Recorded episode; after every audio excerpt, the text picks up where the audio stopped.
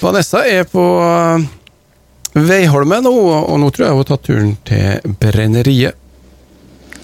Ja, det har jeg. Jeg befinner meg i annen etasje her på Brenneriet, omgitt av Altså, det er et flott bygg.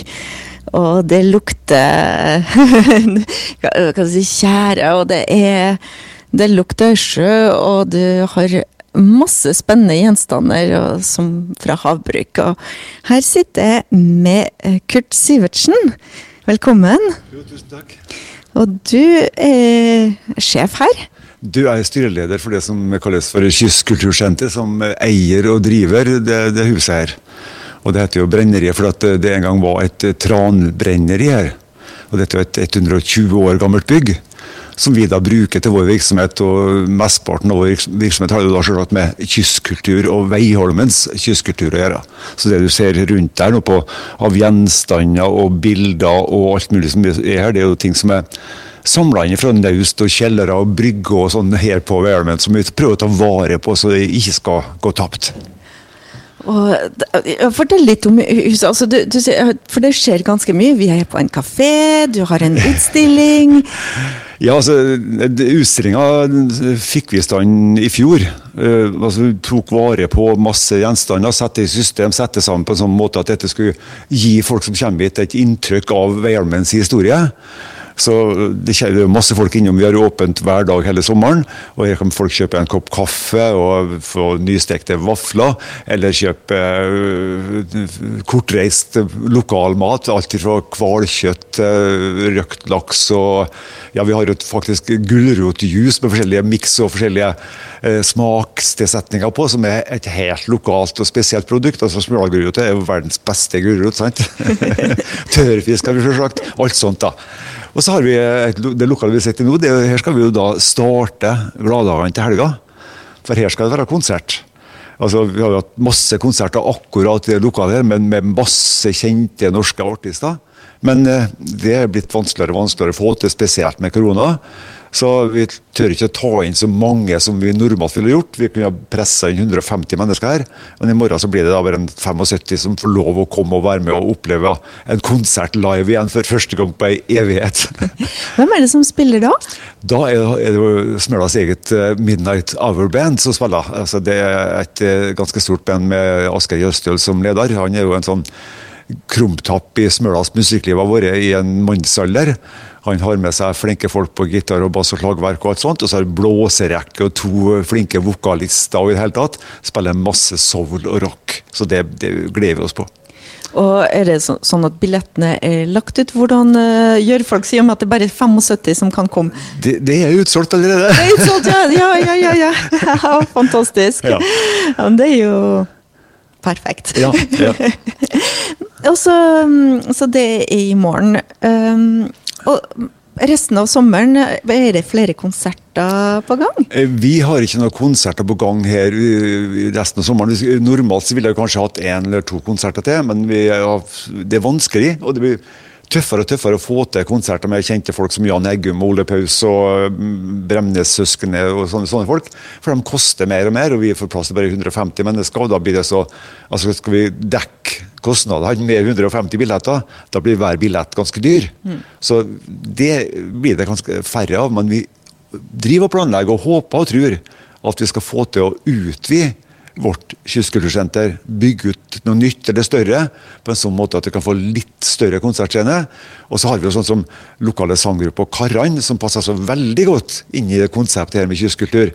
For deres sangrepertoar består jo i veldig stor grad av ramsalte sanger som det oser kystkultur av.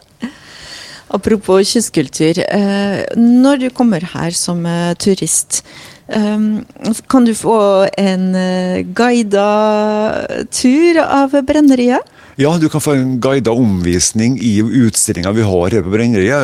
Altså, alt ifra siste uh, skadegjørende uværet vi hadde her i 1938, da 25 bygninger ble mer eller mindre rasert ødelagt, og 30 båter forsvant eller ble knust av et par store bølger.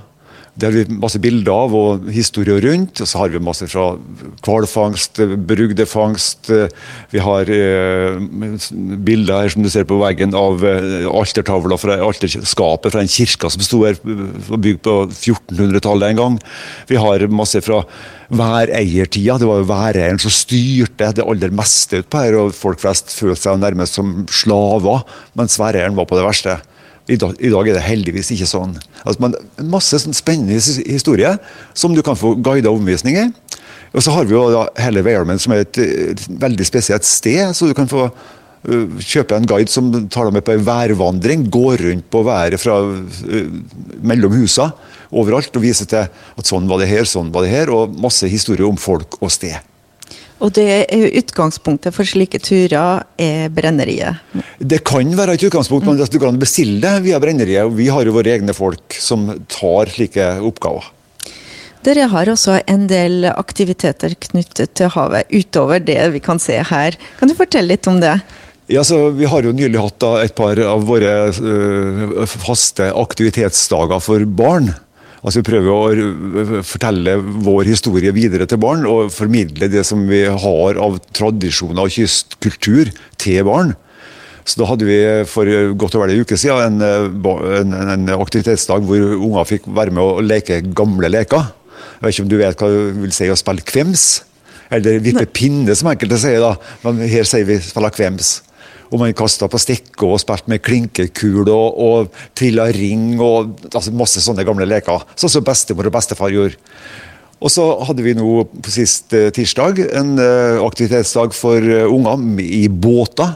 Altså Vi har jo tradisjonsbåter, robåter som er med nesten tro kopi av det som var helt tilbake til vikingtida som vi bruker, som unger får være med på. og Være med ut og prøve å lære seg å ro og være med å seile. og Det hele tatt, det syns jeg var en kjempefin opplevelse. Det så jeg på, det var brede glis på alle ungene de kom på land etterpå.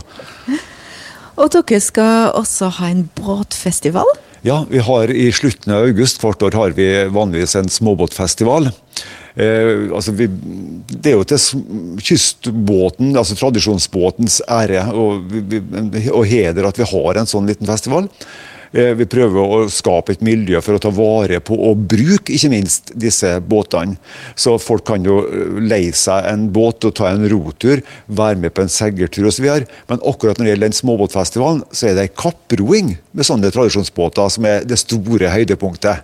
For da har vi lag fra store deler av Nordmøre som kommer hit. og både damer og herrer og unger, og gjerne ikledd eh, riktige, tidsriktige drakter eller et eller annet som i hvert fall lager litt staffasje og litt artighet rundt det. Og så, så ror man om kapp og kårer vinnere og får premiering og i det hele tatt. Kjempestas. Hvor store avstand snakker vi om? Vi, altså, det, det, er ikke noen maratondistanse. Her skal folk flest ha en sjanse til å komme i mål. Så her er det snakk om bare å ro noen få hundre meter.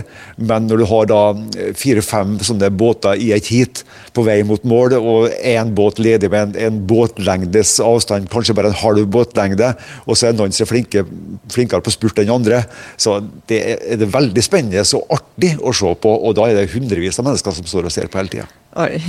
Hva gjør man for å være med? Melde seg på, enkelt og greit. Ja, ingen krav? Nei, altså, Du bør jo kunne ha ro, det er jo forutsetning. Og så uh, må man gjerne ha egen båt. Og hvis man ikke har egen båt, så prøver vi å hjelpe til å skaffe, slik at man kan låne båter og bruke båter. Mm. Og Da er det alt ifra båter med to mann om bord eller to damer om bord, og til båter hvor vi har uh, enten fire mannfolk som ror et par året hver, eller åtte damer som ror ei året hver i de største båtene. Det er så altså her at du har jeg kikker rundt, og jeg ser at du har også litt kunstutstilling, et lite hjørne. Vi har eh, tradisjon for å ha kunstutstillinger som en del av utstillinga her på Brenneriet. Og akkurat i år så er det ei som heter Kari Hundsager, som bor i Grimstad, som eh, har bilder på veggen her. Men dette er bilder som er inspirert fra Værmin, altså med motiv fra Værmin. Ja. For hun, Kari Hundsager har vært fast gjest på Værmin i mange mange år. Og blitt inspirert av det hun ser og det hun opplever her. Så mestparten, eller ja, det, av elleve bilder, så tror jeg det er åtte-ni som er, mot, har motiv fra Værmin. Ja. Da er det bare å ønske folk velkommen. Hva serverer du i dag? Det er jo nystekte vafler og helt nykoka kaffe hver dag. Og så har vi alt det andre av leskedrikker, og du så går det an å kjøpe seg hvalkjøtt eller noe annet leskende og ta med seg hjem og tilberede det sjøl. Er det du som har vært og fiska? Nei, nei, dessverre. Jeg har ikke tida til å komme meg på sjøen. Jeg skulle gjerne vært på sjøen, og i dag er det en kjempefin dag. å komme ut og fiske, men det rekker jeg ikke. Tusen takk, Kurt Sivertsen. Bare hyggelig. Lykke til med alle aktivitetene i sommer. Tusen takk.